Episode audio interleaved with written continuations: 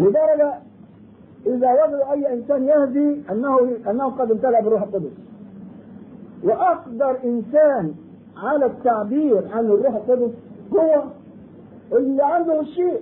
يعني مثلا إذا أنا شئت أن أحد أحد من الجريمة فينبغي للحد من الجريمة أنني أجمع بضع من المجرمين وأسمع إليهم أساليبهم في الإجرام لأن لا يستطيع إنسان أن يصور الجريمة إلا المجرم ولا يستطيع الإنسان أن يصور أي شيء إلا الإنسان اللي هو متسرب بهذا الشيء. فأنا عندي ما إنسان متسرب بشيء غريب جدا.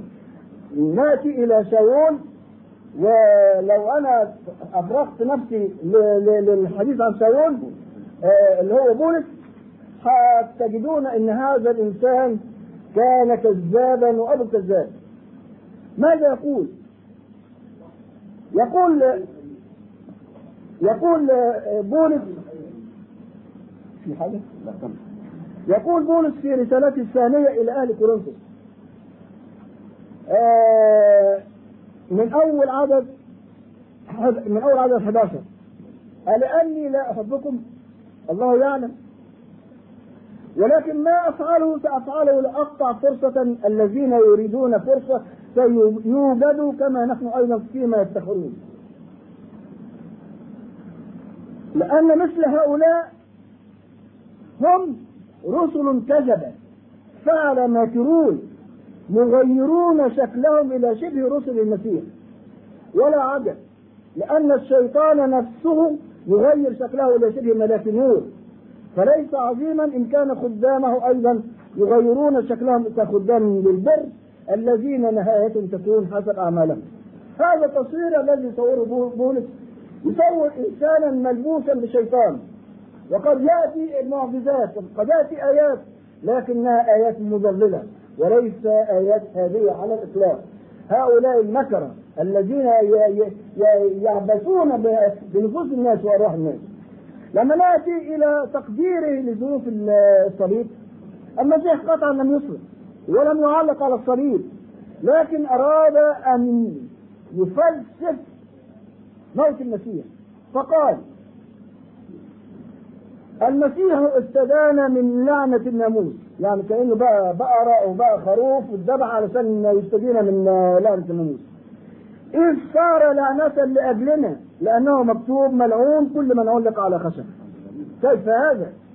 كيف المسيح اللي هو رسول الله اللي هو قال لليهود يتحداهم من منكم يبكتنا على خطية؟ كيف يكون لعنة آه المسيح عشان خاطر يحط عينيه يعني يحط صابعه في عينين بولس بيقول كده في إنجيل يوحنا حاجة عجيبة جدا يعني. يقول في انجيل يوحنا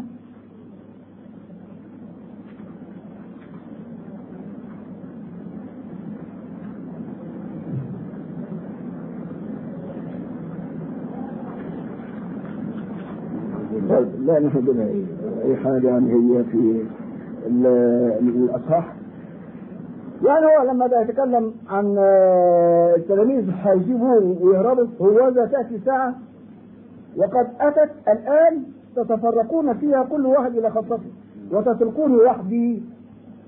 لكن هل هو وحده؟ أنا لست وحدي لأن الآب معي. أعملوا اللي عايزين تعملوه اهربوا آه خونوني. لكن الله معي. هذا الكلام في إنجيل يوحنا اصحاح 16 آه من عدد آه 32 إلى عدد 33 في حتة ثانية كمان قالها آه لأن أنا بعمل إرادة الله والله يحبني لهذا. هنا قريبه جدا. على أي حال. فنحن اتعبنا نفسينا كثيرا جدا في تثميد أباطيل الأناجيل ولا سيما الأجزاء الأخيرة اللي هي خاصة بالسلب وخاصة بالدفن وخاصة بالقيامة. والحمد لله موضوعي أنا بقى إن شاء الله هو الموضوع اللي يبتدئ من البشاره على لسان عيسى عليه السلام يقول الموضوع بتاعي. يعني شوفوا أيها الإخوان المسيح بيقول إيه؟ في انجيل يوحنا صح 16 من عدد 12 إلى عدد 16 يعني خليها برضه عدد 16 بقول ان إن لي أمورا كثيرة. اسمعوا يا إخواني الشباب دول. اسمع إن لي أمورا كثيرة أيضا لاقول لكم ولكن لا تستطيعون أن تحتملوا الآن. بلسان تلاميذه اللي هم المفروض إن هم يكونوا رسل للمسيح. وأما متى جاء ذاك روح الحق فهو يرشدكم إلى جميع الحق لأنه لا يتكلم من نفسه بل كل ما يسمع يتكلم به ويخبركم بأمور آتية. ذاك يمجدني لأنه يأخذ مما لي ويخبركم. كل ما للاب هو لي لهذا قلت إنه يأخذ مما لي ويخبركم. ثم يقول بعد قليل لا تبصرونني. ثم بعد قليل أيضا ترونني لاني ذاهب إلى الآب. وده كان حديثه عن إن الله سبحانه وتعالى يختطف في وقت الشدة وإن هو بعد كده سيظهر وبعد كده يرتفع إلى السماء. هذا تعليقي على ما قاله السيد اللواء.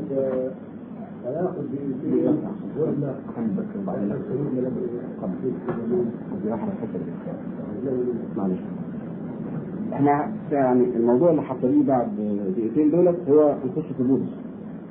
وعرفنا سريعا كده إن بولس وكل يعني مسيحي يعلم إن هو صاحب مسيحيته هي مسيحية الصلب والفداء هو الذي قام يبشر بهذا. وهنشوف ليه قام يبشر بهذا. ونشوف كيف دخل المسيحية. ونشوف ما ترتب على تحويل المسيحية مسيحية المسيح الأصلية ذات المحبة. والوداعة والدعوة إلى الإيمان بالله وبرسالاته إلى هذا العنف الدموي. وطبعا القاعدة معروفة إنك لا تجني من الشوك العنب.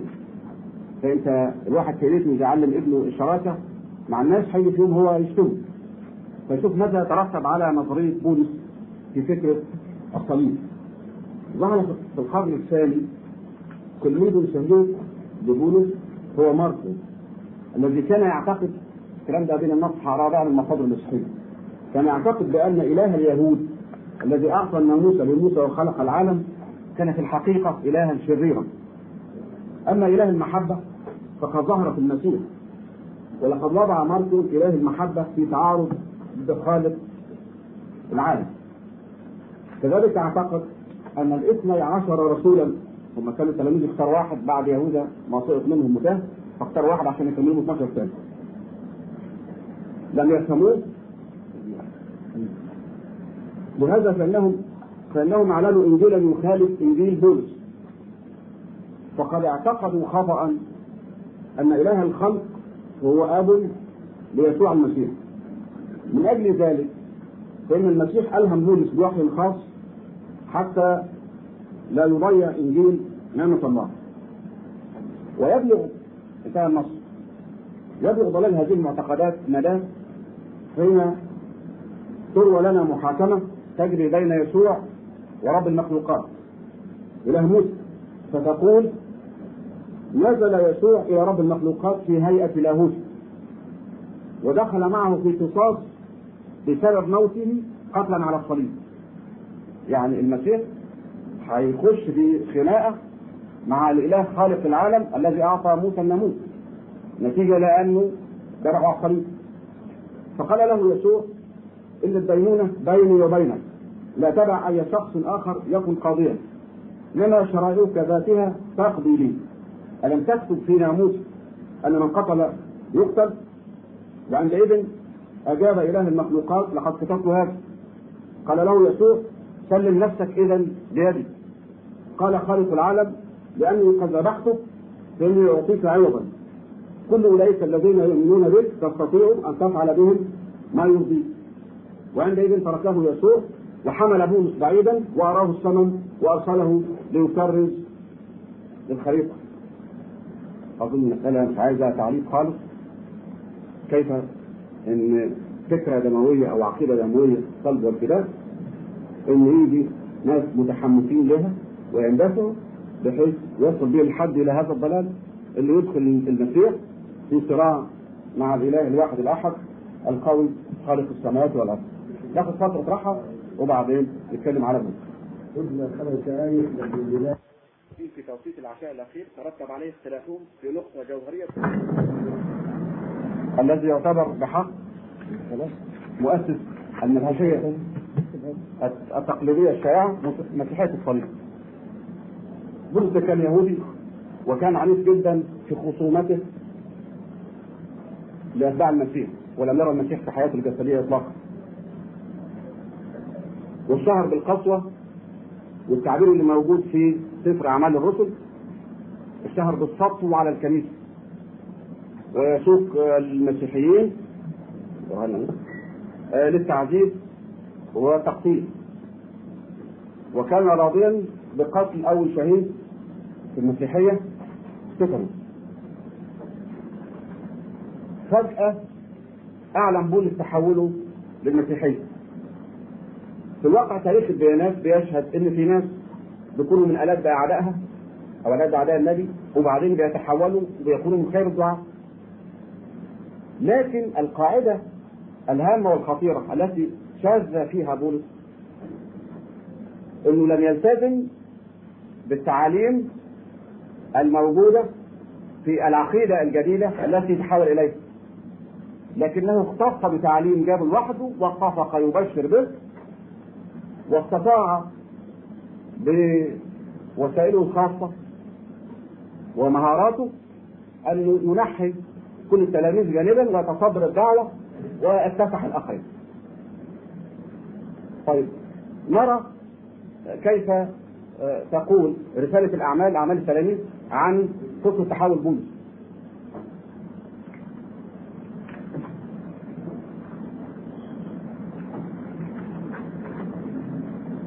وكان شاول اللي هو بولس لم يزل ينفض تهجرا وقتلا على تلاميذ الرب فتقدم إلى رئيس الكهنة وطلب منه رسائل إلى دمشق إلى الجماعات حتى إذا وجد اناسا من الطريق رجالا ونساء يسوقهم موثقين إلى اورشليم إلى آخره. القصة بتقول إيه؟ هو خدهم عشان يعذبهم. عندما اقترب أبرق حوله نور عظيم نور من السماء فسقط على الأرض وسمع صوتا قائلا له شاول شاول لماذا تضطهدني؟ فقال له من أنت يا سيد؟ فقال الرب أنا يسوع الذي أنت تضطهد. فقال أيها متحير يا رب ماذا تريد أن أفعل؟ فقال قم اذهب إلى المدينة حيقال لك ماذا تفعل؟ يبقى دي البداية وهنعود لها مرة ثانية. هو زعم إن هو كان رايح في طريق خصومة المسيحيين والقضاء عليهم وفجأة ظهر له المسيح بهيئة نورانية في السماء. هنعرف إن كان معاه مسافرين؟ وبعدين ابتدى يتوب منذ هذه اللحظة. ولما جاء شاول إلى أورشليم حاول أن يلتصق بالتلاميذ وكان الجميع يخافونه غير مصدقين أنه تلميذ مش معقول هم يعني شايفين إجرامه معاهم السبب فأخذه برنابا واحضره إلى الرسل وحدثهم كيف أبصر الرب في الطريق. برنابا ده كان عبد صالح يشهد له سفر أعمال الرسل بالصلاح وكان مخلص جدا. تقول هذه الرواية إن بولس أقنعه بالرواية فهو شاهد له عند التلاميذ وقبله التلاميذ لأنهم يثقوا في برنابا لكنهم كانوا غير مصدقين لبولس. وبرنابا هذا يقول كتاب تاريخ الكنيسة أنه كان من ضمن السبعين الذين أرسلهم المسيح لمدن إسرائيل يبقى إذا برنابا ده كان له حظ مشاهدة المسيح والتتلمذ عليه مباشرة ليس من الاثنى عشر لكنه من السبعين على عكس بولس الذي لم يكن له هذا النصيب طيب.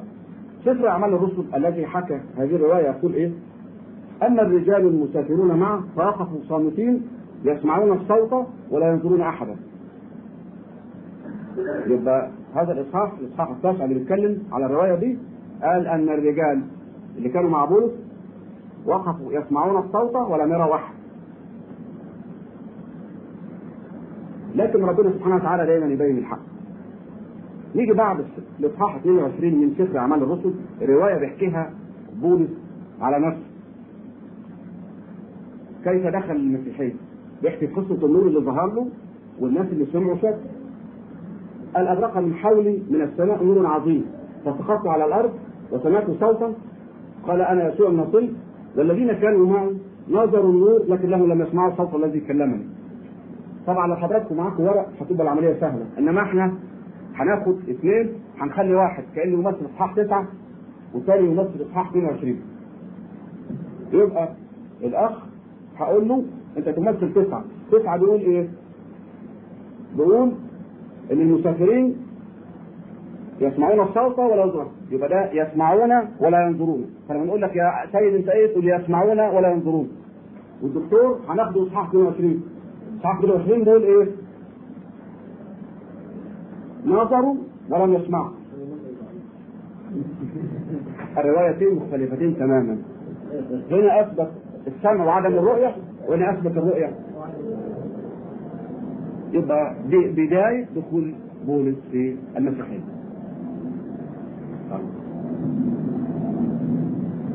بولس دخل المسيحية وانطلق بتعليمه الخاص قال لهم أنا مستغني عن تعليمكم. أنا تلقيت التعليم من المسيح مباشرة. فمش مستني يعني أسأل الرسل أو التلاميذ المعتبرين لأن كان كنيسة اورشليم دي الكنيسة الأم. وفيها بقايا التلاميذ ودول كان بيرجع عليهم في حل المشاكل التي تقابل الدعوة الجديدة. بيقول إيه؟ لما شرع الله الذي اخرجني من بطن أمي ودعاني بنعمته أن يولي ابنه في ليبشر به الأمم للوقت لم استشر لحما ودما يعني ما سألش إنسان ولا صعدت إلى اورشليم إلى الرسل الذين قبلي بل انطلقت إلى العربية ثم رجعت إلى دمشق. ثم بعد ثلاث سنين صعدت إلى أورشليم لأتعرف ببطرس فمكثت عنده خمسة عشر يوما. لكنني لم أرى غيره من الرسل إلا يعقوب أخ الرب أخ المسيح. والذي أكتب إليكم هو ذا قدام الله أني لست أكذب فيه. يبقى خد هو رسالة تلقاها بهذه الصورة النورانية اللي شفنا سمعوا وما شافوش وشافوا وما سمعوش. واستمر يدعو ثلاث سنين وبعدين بعد ثلاث سنين راح يتعرف لبطرس اللي بعده. هو بيقول ان هارون اخ الرب يعقوب أخو الرب. يعقوب اخ الرب كان لعيسى اخوان من أم مريم. وده شيء مجهول لدى كثير من المسيحيين الكتب وقاموس الكتاب المقدس تقرر إن كان للمسيح إخوة من مريم عليها السلام. يعني كان المسيح والذكر بعد كده جاءت باولاد آخرين من يوسف. ثم بعد 14 سنة 14 سنة من الدعوة. بولس بيته صعدت إلى أورشليم مع برنابا آخذا معي تيتوس ولما صعدت بموجب إعلان وعرضت عليهم على التلاميذ اللي واقفين هناك الإنجيل الذي أكرس فيه بين الأمم. ولكن بالانفراد على المعتبرين لئلا أكون أسعى أو قد سعيت باطلا. راح يوريهم هو بيعمل إيه؟ أحسن يكون طول المدة دي حدث كلام بيقول بكلام مش مظبوط فإن هؤلاء المعتبرين لم يشيروا عليه بشيء بل رأوه أنه على إنجيل الغرة إلى آخره. يبقى قصة دخول بولس المسيحية من الأول مشكوك فيها. نمرة اثنين الراجل لم يعرف المسيح إلا اسمه والصليب. وما بقي من تعليم آه يعني أحمد. فهو يقول أعرفكم أيها الإخوة الإنجيل الذي بشرت به أنه ليس بحسب إنسان لأني لم أقبله من إنسان بل بإعلان يسوع المسيح. العلماء فكروا يعني إيه فكر بولس؟ في في بهذه الصورة في عالم الرومان الإغريقي اللي نشات فيه العقيدة المسيحية. ففي هذا المقام يقول تشارلز دود لقد أوضحنا أن فكرة الكومنولث العالمي كانت شائعة في العالم الوثني وكانت روما في تأثرها بالمثل العاليه للرواقيين الذين قدموا في أيام بولس رئيسا لوزراء الإمبراطورية القرن التالي له اعتلى أحدهم عرش الإمبراطورية فحاول تأسيس ذلك الكومنولث ولقد تأثر بولس كاحد المواطنين الرومان بهذه الأفكار. كومنولث مسيحي يضم علامة واحدة واسم واحد المسيح والصليب. تكون في أفكار وديانات مختلفة ليكن ما يكون. الراجل يقول إيه؟ أنه لم يعني لم يتحرز في رسائله يعترف لم يتحرز عن استخدام كل الوسائل لكسب الاتباع. يجي اليهودي يعمل اليهودي زيه. يجري الوثن يعمل الوثن تاني فطبعا لما بيوصف له المسيحية بهذه الصورة وبيديها له على حسب ما هو عايز يعجبه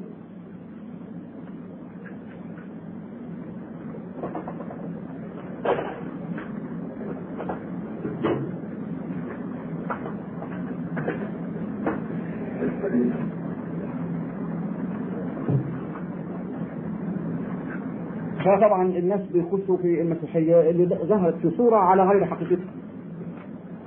بيقول إذ كنت حرا من الجميع استعبدت نفسي للجميع لأربح الأكثرين.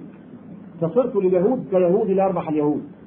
والذين تحت الناموس كأني تحت الناموس لأربح الذين تحت الناموس.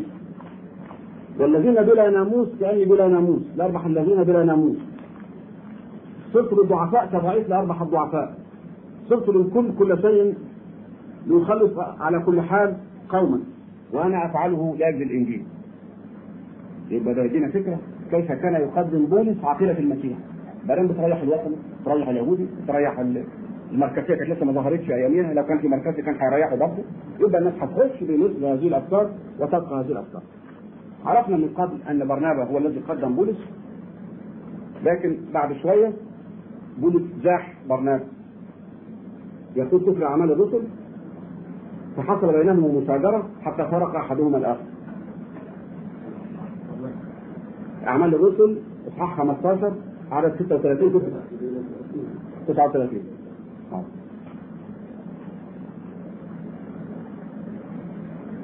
يبقى ده نحى بولس نحى برنابا وأصبح فعلا سفر أعمال الرسل ابتداء من هذه اللحظة بيتكلم على بولس ورحلاته التبشيرية. المشكلة بس إحنا عارفين ان بولس داخل على المسيحيه لم يلبس صحيح هو تحت برنابا لم يلبس أن تشاجر مع بطرس رئيس التلاميذ وهزأه لما أتى بطرس إلى أنطاكيا قاومتوه مواجهة وابتدى يأنب فيه قدام التلاميذ. طبعا بولس لا يعلم قدر بطرس الذي أعطاه المسيح التفويض في الحل والعقل مش هتكلم على رسائل بولس هي بتبتدي عبارة عن رسائل شخصية بحتة. في حاجات يقول لي ليس عندي أمر من الرب فيهن ولكني يعطي رايا أنا الأستاذ إبراهيم امبارح. واظن أنا أيضا أنا أيضا عندي روح الله؟ أنا أظن أنا أيضا عندي روح الله. لست أقول على سبيل الأمر بل باجتهاد. المسألة واضحة خالص حتى كان يعطي رايا.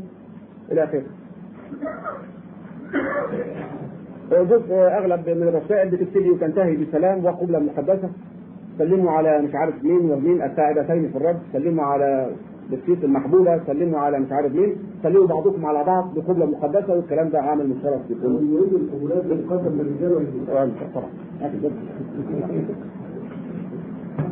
دلوقتي لا ما دلوقتي إحنا تحدثنا عن دخول بولس المسيحية.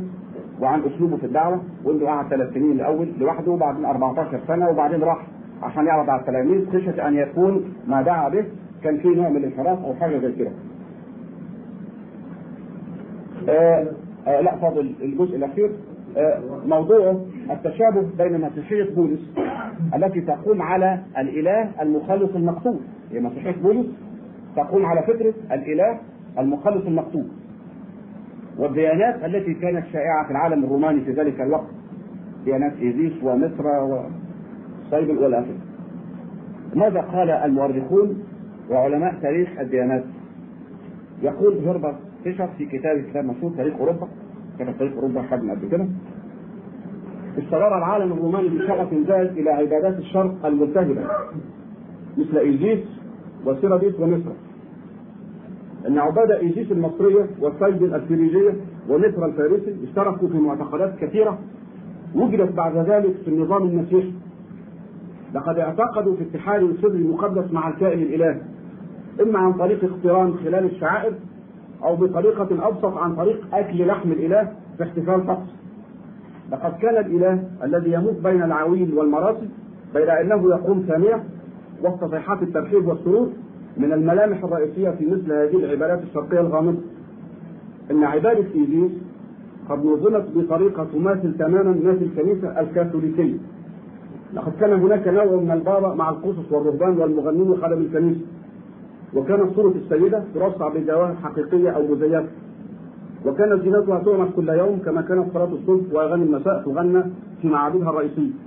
وكان الكهنة حليق الرؤوس ويلبسون ملابس كهنوتية بيضاء من الكتان النقطة البداية بس حديث إن التحول من الوثنية إلى المسيحية لم يكن يعني الدخول في جو غريب كلي أو ممارسة ثورة فجائية. لقد كانت عملية التحول تتم بلطف وكانت طقوس العقيدة الجديدة استرجاعا للأسرار القديمة. وقد كانت عقيدة الوسيط مألوفة في معتقدات الفرس وأتباع الافلاطونيه الحديثة. وكانت فكرة التثليث معتقدا دينيا شائعا تنبع أساسا مما تعرفوا عليه من أن العدد ثلاثة هو العدد الكامل. ويقول إرنس في كتابه مختصر تاريخ العقائد الدينية يتكلم على كل العقائد الدينية الإسلام والمسيحية واليهودية والهندوكية هو راجل مسيحي. إن أوجه التشابه المحيرة بين شعيرة التعميد المسيحية على سبيل المثال وبين طقوس التطهير في ديانة أتيس وأدونيس لتصدم كل دارس لقد أظهرت الديانة المسيحية قدرة ملحوظة في جميع العصور على الأخذ لنفسها ما يناسبها من الديانات الأخرى. ولسوف أعطي هنا ملخصا لأسطورة أتيس وطقوس عبادته لأن هذا لم يؤثر فقط بعمق في المسيحية بل أنه كان منتشرا في أغلب الإمبراطورية الرومانية. لقد حدثت قيامة أتيس في اليوم الخامس والعشرين من مارس بدء الربيع وهو نفس اليوم الذي قام فيه المسيح من الأموات حسب أقوال كثير من المسيحيين كذلك فإن التشابه بين الطقوس السرية لديانة مصر والمسيحية مذهلة إن المصرية لها طقوسها المتعلقة بالعشاء الرباني ومن الصعب التفريق بينها وبين ما في عقيدتنا المسيحية ولا احتفالات تماثل احتفالات عيد الميلاد ولها عيد القيامة. أكتفي بهذا القول من التشابه بين مسيحية بولس ومسيحية العقائد آه، الرومانية القديمة. طبعا ثلاث عبارات بحب في العبارة الأولى انه لكي نكون منطقيين وواضحين فإنه لا يوجد فتنة فإنه من المفيد جدا ومن المنطقي ومن الواضح أن تسمى الديانة المسيحية الديانة البولسية فهي منسوبة إلى بولس وليست إلى المسيح عليه السلام. ثانيا أشار الأخ اللواء إلى فطيره القربان الفطيره دي عاوزين نوضحها لأن هي جت على يا ريت الأستاذ إبراهيم يوضح لنا إيه فطيره القربان يا أستاذ إبراهيم لأن هو اشتغل فيها كتير وعكاها وعجنها و... وقدم كؤوس الخمر للناس لما بوظ معدته فقول لنا إيه فضيلة القربان الله يسترك. وقبل ما يقدم بقول نص هنا عن الفاتيكان. هو سطر واحد بيقول إيه؟ والعجيب أن الفاتيكان يعترف إلى حد كبير بموقف بولس من المسيحيه يعني كل اللي قاله سياده اللواء الفاتيكان بيقر. آه إلى حد كبير بموقف دولة المسيحية وعدم حرصه عليها. فقد جاء في كتاب نشره الفاتيكان سنة 1968 بعنوان المسيح عقيدة وعمل. ما يلي. ده موجود صفحة 50 كان القديس بولس ده نص كلام الفاتيكان كان القديس بولس منذ بدء المسيحية ينصح لحديث الإيمان أن يحتفظوا بما كانوا عليه من أحوال قبل إيمانهم بيسوع. بنقدم الأستاذ إبراهيم اللي يقول لنا حاجة عن فطيرة القربان ودم المسيح وفطيرة المسيح ولحم المسيح لأن بيقول لك الفطيرة لحم المسيح والخمر دم المسيح. لا كل المسيح يتقرب إلى المسيح الموجود في العقائد السابقة. لا كل المسيح يتقرب إلى المسيح.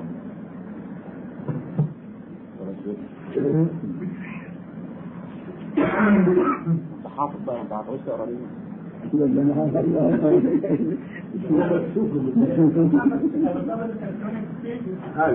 اللي برا فيها اليهود من المسيح. قبلها بعدها بثلاث سنين. دي صارت 65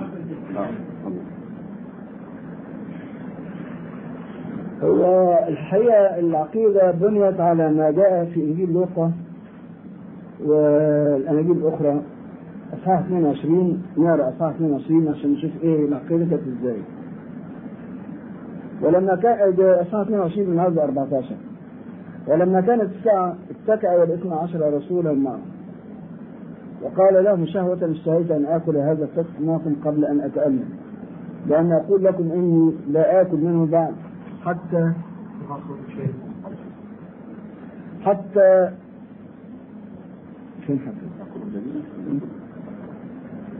حتى يكمل في ملكوت الله.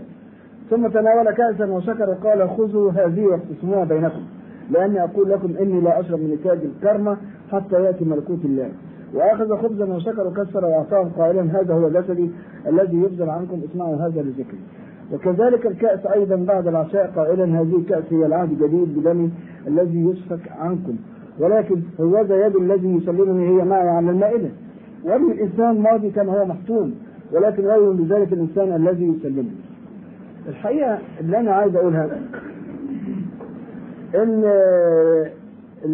فترة؟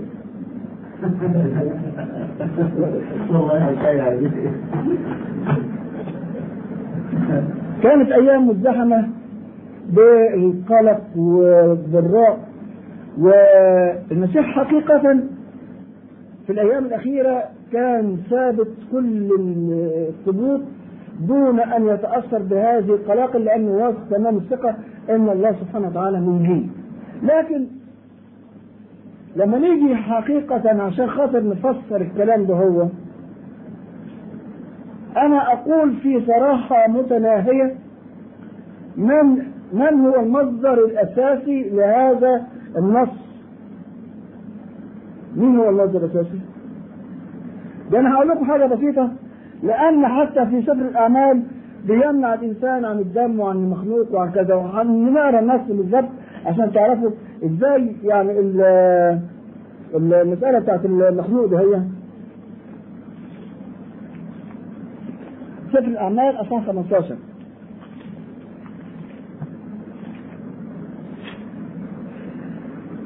آه بيقول هنا بل يرسل إليهم أن يمتنعوا عن نجاسات الأصنام والزنا والمخلوق والدم. فإذا كان الأمر هنا كمان أن تمتنعوا عما ذبح للأصنام وعن الدم والمخلوق. إذا كان هو بينهي عن اللي ذبح للأصنام وعن الدم. إزاي هو يقول لهم دي دمي اشربوا الدم بتاعي يبقى دي وثنية منقولة من وثنية العبادات اللي هي المتفشية في الإمبراطورية الرومانية في ذلك الوقت.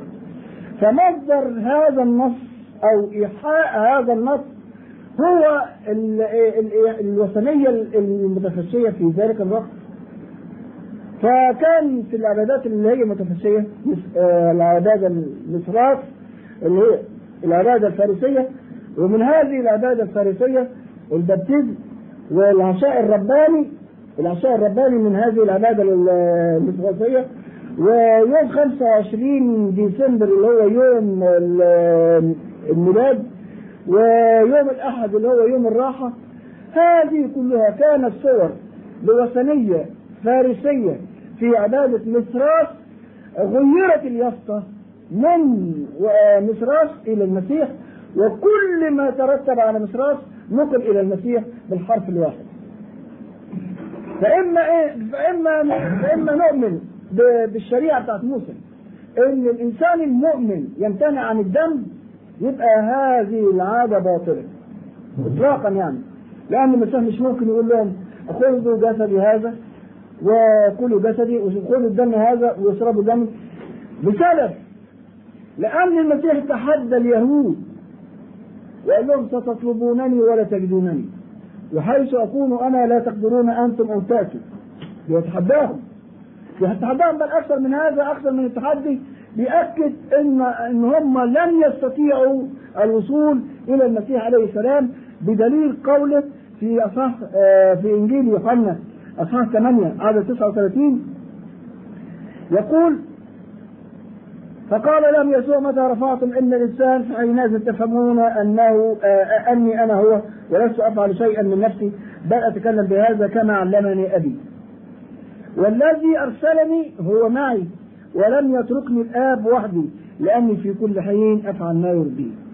فحكاية الصلب دي هي يعني منقوضة من أساسها اطلاقا. لا يمكن إن إحنا نتصور إن هو صلب.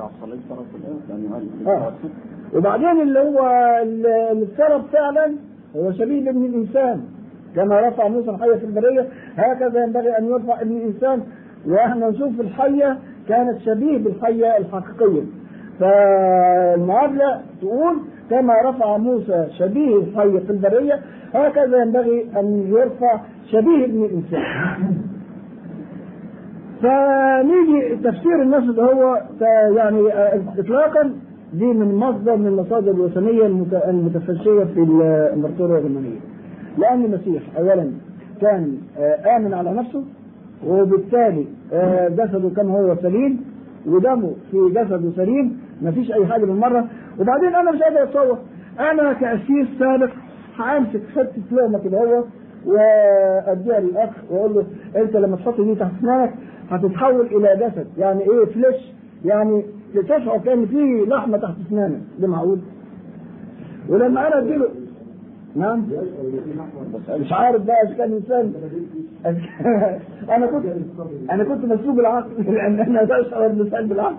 فالانسان حالة من اليهودية لأن اليهودية في الدم بشري طبيعي يعني خطير إنما اللي أنا عايز أقوله بالظبط يعني استاذن الاستاذ اللواء بولس أنا ما يهمنيش في حاجة. المهم إزاي نخبط كيان المسيحية؟ أول حاجة إن المسيح قال ما جئت لانقذ يعني أنا جاي أتمم شريعة موسى عليه السلام. أول شيء نيجي أنا في سفر التكوين أصحاح 17 ربنا بيتحدث مع سيدنا إبراهيم اللي هو أول المؤمنين في البشر كلهم. فبيقول له كده. وقال الله لإبراهيم وأما أنت فتحفظ عهدي أنت ونسلك من بعدي في أجيالهم. هذا هو عهدي الذي تحفظونه بين- بيني وبينكم وبين نسلك من بعدي. يختم منكم كل ذكر. فتخ- فتختمون في لحم غرتكم. فيكون علامة عهد بيني وبينكم. ابن ثمانية أيام يختم منكم كل ذكر في أجيالكم. طيب واللي ما يختمش إيه يكون أما الذكر الأغلب الذي لا يختم في لحم آه، في لحم آه غرتي فتقطع تلك النفس من شعبها إنه قد نكس عهدي طيب نشوف. إبراهيم كان عنده في الوقت ده حوالي آه، 100 سنة تقريبا. وابنه يعني آه، عنده 14 سنة. فإبراهيم بجلال قدره وإسماعيل والأولاد الذكور كلهم اختتنوا اتطهروا يعني عارفين الطهارة؟ اتطهروا عشان يبقوا إيه؟ دي علامة بين الإنسان المؤمن وبين الله سبحانه وتعالى. يجي بولس بجلال قدره أو بانحطاطه أو المسيح قتل اللي هو رب بولس. آه. يجي بولس يعمل إزاي؟ بولس كان إنسان مشكوك فيه. لما قال لهم أنا آه، ظهرت لي الرؤيا مش عارف إيه وايه برنابا كده تحنن عليه وخده من إيده وعرفه للرسل والرسل كانوا متشككين فيه وكانوا خايفين منه. لكن لأن برنابا يعني آه، جابه فهم اطمأنوا بالنسبة لبرنابا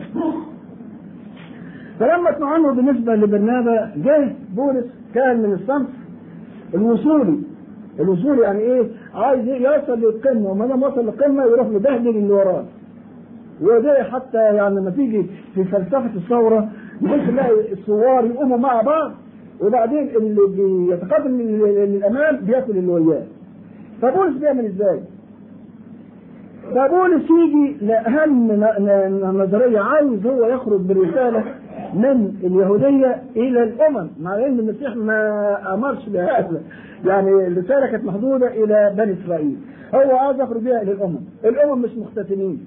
هذه مشكلة. إزاي هو يحل المشكلة؟ فعمل حركة وعمل أول مجمع من المجامع لهم يا جماعة إيه الختان؟ إيه قيمة الختان؟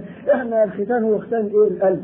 زي ما نيجي نقول آه يعني مش ضروري إنك أنت تصلي تخش الصلاه من غير وضوء، لا دي في أسس معينة لابد الناس آه تتقدم بالصلاه بالوضوء وهكذا. فجه حصل.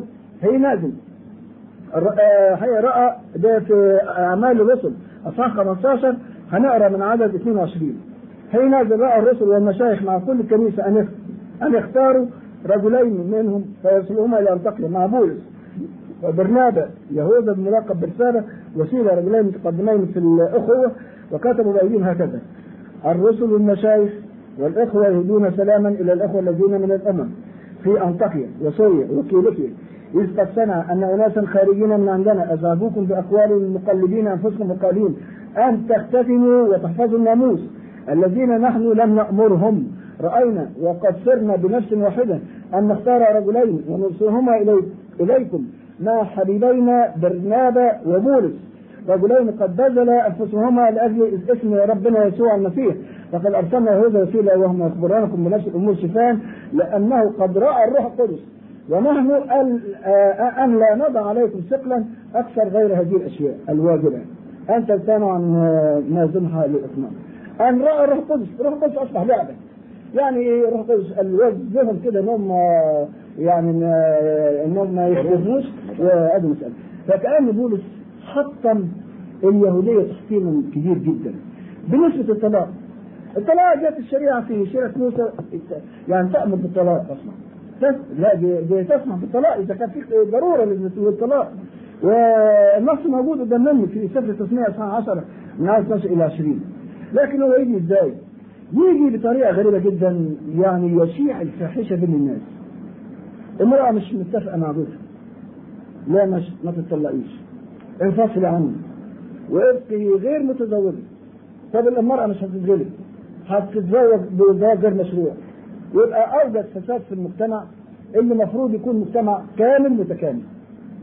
فبولس وبعدين أنا عايز أقول حاجة ثانية لماذا الكنيسة رفضت إنجيل برنابا؟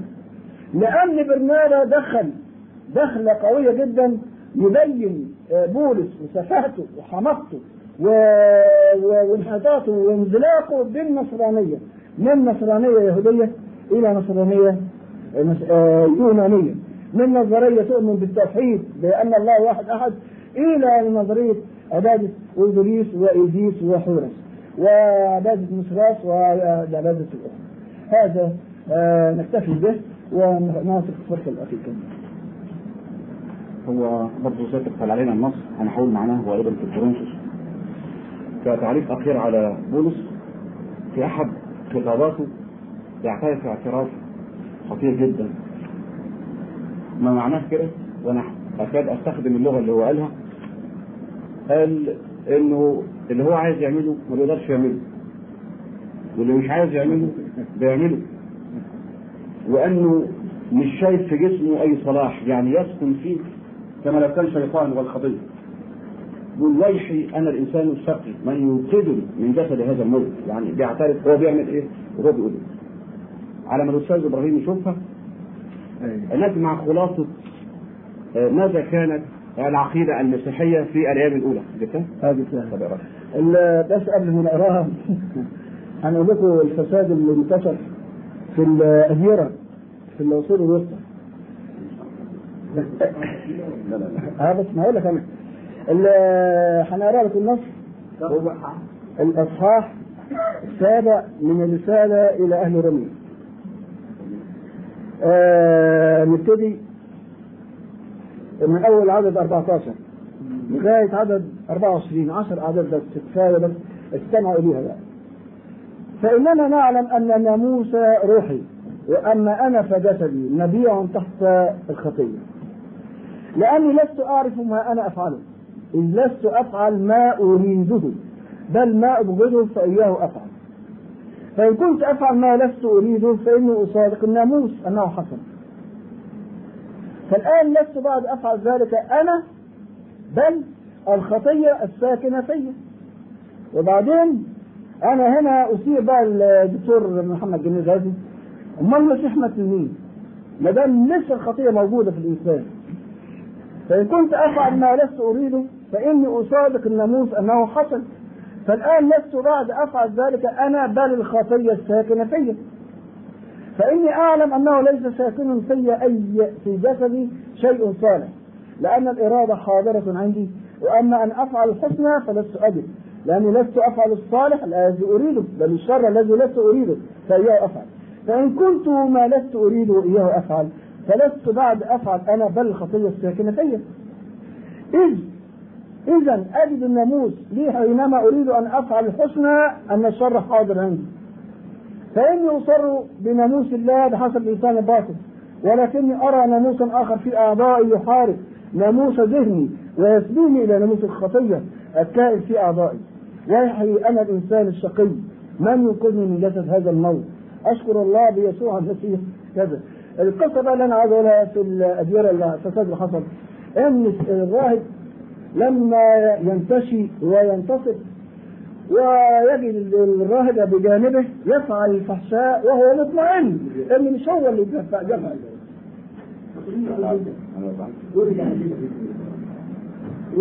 ما خلاص قلت؟ خلاص حد يوصف بقى دلوقتي السؤال نفتات البيت.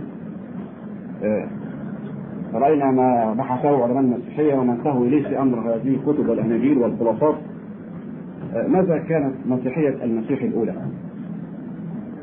المتفق عليه الآتي جمعته دائرة المعارف الأمريكية ودي أصبحت يعني آه، مسلمات معروفة بتقول إيه؟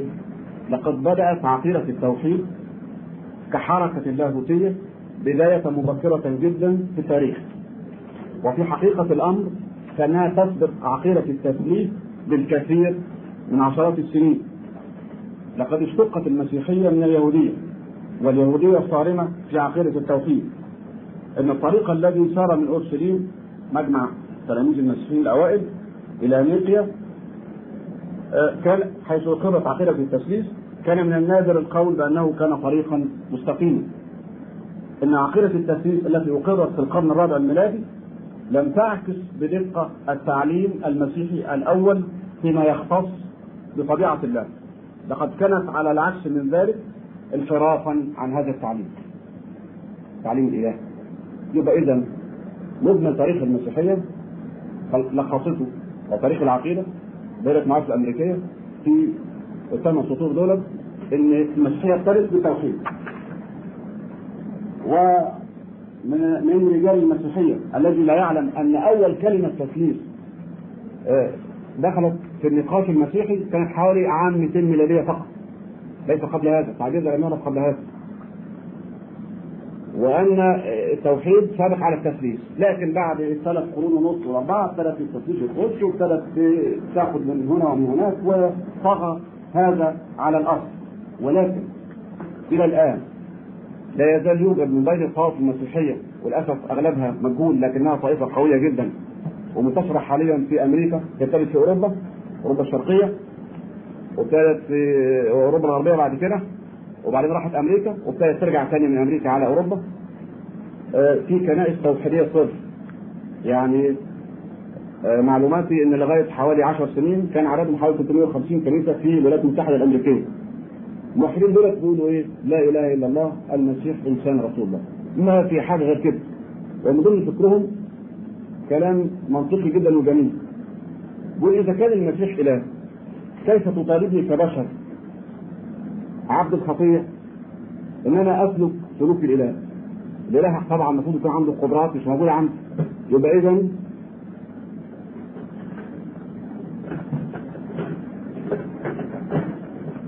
هذا المسيح الذي جاء ليعطي المثل إذا نظرت له كأنه ابن الإله أو له جانب لاهوتي لن ينفعني أن أسير على خطاه لأن أنا بشر وهو في جانب إله نمرة اثنين لو كان المسيح إله أو في جانب لاهوتي كيف نتصور أن بطرس تلميذه أو رئيس التلاميذ ينكره في موقف آه، من المواقف اللي بنشوف آه، الجماعة اصحاب الدعوات بيفدوا آه، المرسلين أو الأنبياء أو الابطال بتاعتهم بارواحهم وكيف نتصور أن يهوذا يخون شخص يعتقد أن له قدرات خارقة وأنه ابن الاله ثم تحت. النقطة الثالثة نقول إن الإله خالق السماوات والأرض يعرف بالرحمة والعدل والمحبة. لكن يعرف بهذه الميتة الدموية والكلام المتناقض لا يمكن قبوله. هذه خلاصة لبعض أفكار هؤلاء الموحدين ودي طائفة أرجو أنها تعرف في العالم الإسلامي لأنها آه، يعني في تعمد لإحاطتها بنوع من الغموض ولهم كتب ولهم مجلات ويكفي أن نعلم أن هناك آه، كلية في إنجلترا. كلية توحيد كاملة. ما لا تعلم شيء إلا التوحيد المسيحي كما هناك مثلا كلية تنفيذ تبع كامبريدج أو غيرها فهناك كلية توحيد أظن اسمها كلية مانشستر أو حاجة زي كده. كذلك في أمريكا في كليات وجامعات ورجال كبار لا يتلقون إلا الفكر التوحيدي المسيحي. كنت بقول لا إله إلا الله المسيح رسول الله. بهذا نقفل آه، المواضيع آه، التي تعلقت بمصادر عقائد المسلمين.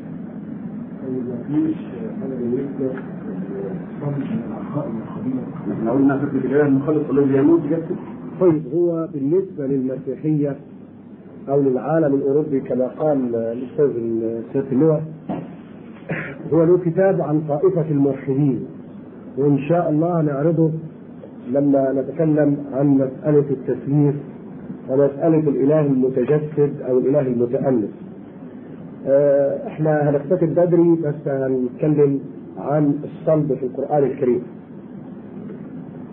هو ربنا سبحانه وتعالى تحدث عن الصلب في القرآن الكريم في الآية السابعة والخمسين بعد المئة من سورة النساء حيث يقول الله سبحانه وتعالى وما صلبوه وما قتلوه وما صلبوه ولكن شبه لهم. وإن الذين اختلفوا فيه لفي شك منه ما لهم به من علم إلا اتباع الظن وما قتلوه يقينا أرجو أن نفهم لماذا قال القرآن الكريم ذلك. هل القرآن الكريم يقول إن المسيح أعظم من أن يصلب؟ القرآن الكريم لا يقول ذلك. فالمسيح بشر من البشر ممكن يقتل وممكن يصلب. وهذه مسائل تعرض لكل البشر. بل إن الله قال لمن هو أعظم أو قال عمن هو أعظم من المسيح عليه السلام وهو الرسول الخاتم محمد صلى الله عليه وسلم قال وما محمد إلا رسول قد خلت من قبله الرسل. مضى رسل كثيرون قبل. أفإن مات أو قتل انقلبتم على أعقابكم؟ ومن ينقلب على عقبيه فلن يضر الله شيئا وسيجزي الله الشاكرين إذا من الممكن محمد يقتل ومن الممكن يموت ونفس ما يقال عن محمد عليه السلام يقال عن عيسى من الممكن أن يموت عيسى ومن الممكن أن يقتل ومن الممكن أن يصلب إذا فلماذا قال الله ذلك في القرآن الكريم؟ قاله لهدفين. أولا لتعليم المسلمين ولتعليم الناس أدب الخصومة وأدب الجدل وأدب النقاش. القرآن الكريم حق ولا يقول إلا حقا كما قال الله تعالى وبالحق أنزلناه وبالحق نزل. لو أن القرآن الكريم يريد أن يغالط في موضوع المسيح لنفى حقيقتين.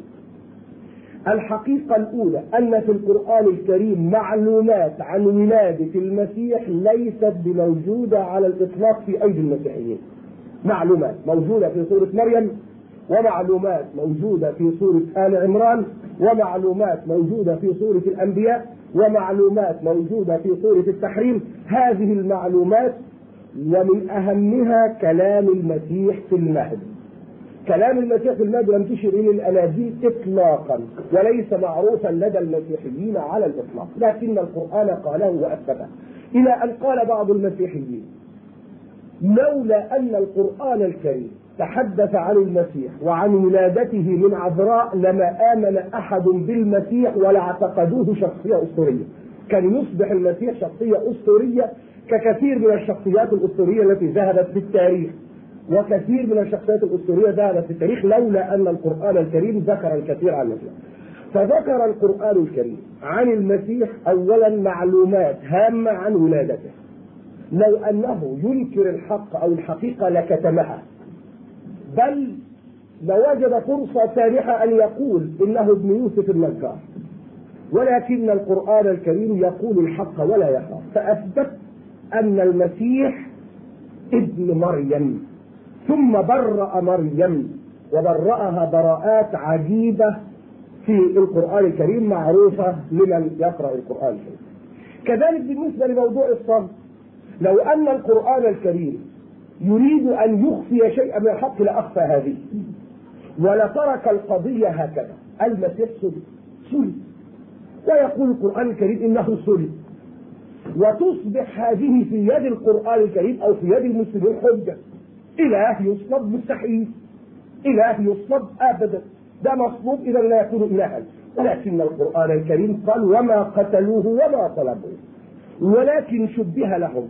لأن القرآن الكريم يملك الحجج الباهرات التي لا تؤمن لا بالخرافات ولا بالأكاذيب ولا بالتغطية. هذه واحدة. الثانية. أن القرآن الكريم حينما ذكر هذه الآية السابعة والخمسين بعد المئة إنما يريد أن يثبت حقيقة. خيبة أمل اليهود هذا ما يريد أن يقوله القرآن. خاب أملهم. قال القرآن الكريم أثبت عليهم أنهم قتلة المسيح وأنهم صلبوا. كيف؟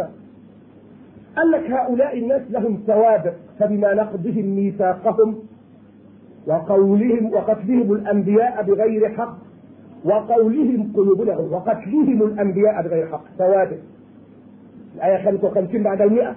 بتثبت إن هم سوابق لهم سوابق في قتل الأنبياء. هم اللي قطعوا رأس يحيى وقدموها هدية إلى بغيض هم الذين شقوا رأس يحيى نصفين. هم الذين افتروا الأكاذيب على جميع رسل الله بلا استثناء حتى موسى. ولذلك قال القرآن الكريم يعلم المسلمين يا أيها الذين آمنوا لا تكونوا كالذين آذوا موسى فبرأه الله مما قالوا وكان عند الله وجيها إذا أثبت أولا أن لهم سوابق في قتل الأنبياء. ثانيا أثبت عليهم سبق الإصرار والترصد. كيف؟ الآية السادسة والخمسون فيها سبق الإصرار والترصد. وبكفرهم وقولهم على مريم بهتانا عظيما. اتهامهم لمريم رضي الله عنها. اتهموها. إذا اتهامهم لمريم بأنها بغية وأنها جاءت من ابنها في ريبة جاءت بابنها في ريبة. كل هذا يجعلهم متحفزون لقتل هذا الوليد الجديد. اذا أثبت عليهم ثوابت أنهم لهم ثوابت في القتل وقتل الأنبياء بالذات. ثانيا سبق الإصرار والترصد ثالثا الاعتراف وهو سيد الأدلة والاعتراف موجود في الآية السابعة والخمسين بعد المئة. وقولهم إنا إنا بالضمير المعظم شان إنا. قتلنا. سبحان الله. اعتراف صريح إنا قتلنا. من قتلتم؟ المسيح. هل هم يؤمنون بأنه المسيح؟ لا. بيقولوا على السخريه والاستهزاء المسيح. ولم يقولوا المسيح فقط. اسمه عيسى ابن مريم. ليس هذا فقط ولكن السخريه أيضا. رسول الله. السخريه المسيح ورسول الله وعيسى ابن مريم. مرة جاي بعين عيسى ابن مريم. وبكفرهم وقولهم على مريم بهتانا عظيما وقولهم إنا قتلنا المسيح عيسى ابن مريم رسول الله. إذا سبق إصرار إذا ثوابت لهم ثوابت اثنين سبق إصرار وترصد ثالثا الاعتراف والاعتراف الأدلة. بعد هذا كله أثبت القرآن الكريم أنه خاب أملهم يا خيبة أملكم. وما قتلوه وما صلبوه. ولكن شبه لهم. وإن الذين اختلفوا فيه لفي شك منه ما لهم به من علم إلا اتباع الظن. وما قتلوه يقينا وتأكيدا. بل رفعه الله إليه إذا أثبت عليهم خيبة الأمل هل يحاسب اليهود يوم القيامة على أنهم قتلت المسيح؟ نعم. هل حينما ينعقد الفاتيكان ليبرئ اليهود من دم المسيح له حق أبد؟ لأن المسيح اليهود متهمون بقتل المسيح وبصلبه. باعترافهم. وأذكر لكم فكاهة لاجل النايم يصحى إن أحد أمراء المؤمنين كان يجلس في مجلسه بعض اليهود. ودايما المناقشات المسيحية قديمة والمناقشات اليهودية قديمة. فقال أمير المؤمنين لمجموعة اليهود الجالسة ما رأيكم في ابن مريم؟ إيه رأيكم في عيسى؟ قال وماذا نقول فيه؟ ابن بغي قتلناه وطلبناه ابن بغي قتلناه؟ قال لهم والله لن تقوموا حتى تؤدوا ديته ادفعوا الدية قبل ما تقولوا ما دام قتلتوه وصلبتوه. برضه من النكت الجميلة اللي بعثوا عالم من علماء المسلمين يناقش مجموعة من الرهبان. قلت خلصت خلاص بقى يناقش مجموعة يناقش مجموعة من الرهبان. قالوا له ابعتوا لنا عالم يناقشنا. فدخل العالم. السلام عليكم أيها الناس. كيف حالكم؟ وكيف حال الأهل والأولاد؟ إزاي حال ستاتكم وولادكم؟ مش بخير؟ إيه إيه الراجل الجاهل ده فقالوا له ما أجهل من أرسلك؟ اللي بعثك جاهل ليه؟ أما علمت أن هؤلاء الشيوخ؟ وكل واحد جثة. ومربي رقبته كويس. أما علمت أن هؤلاء الشيوخ منزهون عن الزوجة والولد؟ لا بيتجوزوا ولا بيخلفوا؟ تقوم انت جاي تقول لهم كيف حال الأهل والأولاد؟ قال لهم عجبا لكم تنزهون هؤلاء الثلاثية تنزهون هؤلاء عن الزوجة والولد وتنسبون لله الزوجة والولد. سبحانه وبعد ربنا عن الزوجة والولد ربنا مش منزه ونعود إلى الآية. وبكفرهم وقولهم على مريم بهتانا عظيما. وقولهم إنا قتلنا المسيح عيسى ابن مريم رسول الله وما قتلوه وما صلبوه ولكن شبه لهم. وهنا نقطة بنوضح بيها ليه محمد خاتم الأنبياء وليه عيسى ما بينش؟ ليه عيسى ما وضحش الحقيقة دي؟ ليه عيسى ما قال لهمش إن أنا مش هصلب لن أصلب ولا يحصل صراحة وبوضوح برغم الأدلة الكثيرة التي جاءت لأن الله سبحانه وتعالى علم أن بعد عيسى سيجيء من يصحح كل هذه الأغلاط وهو محمد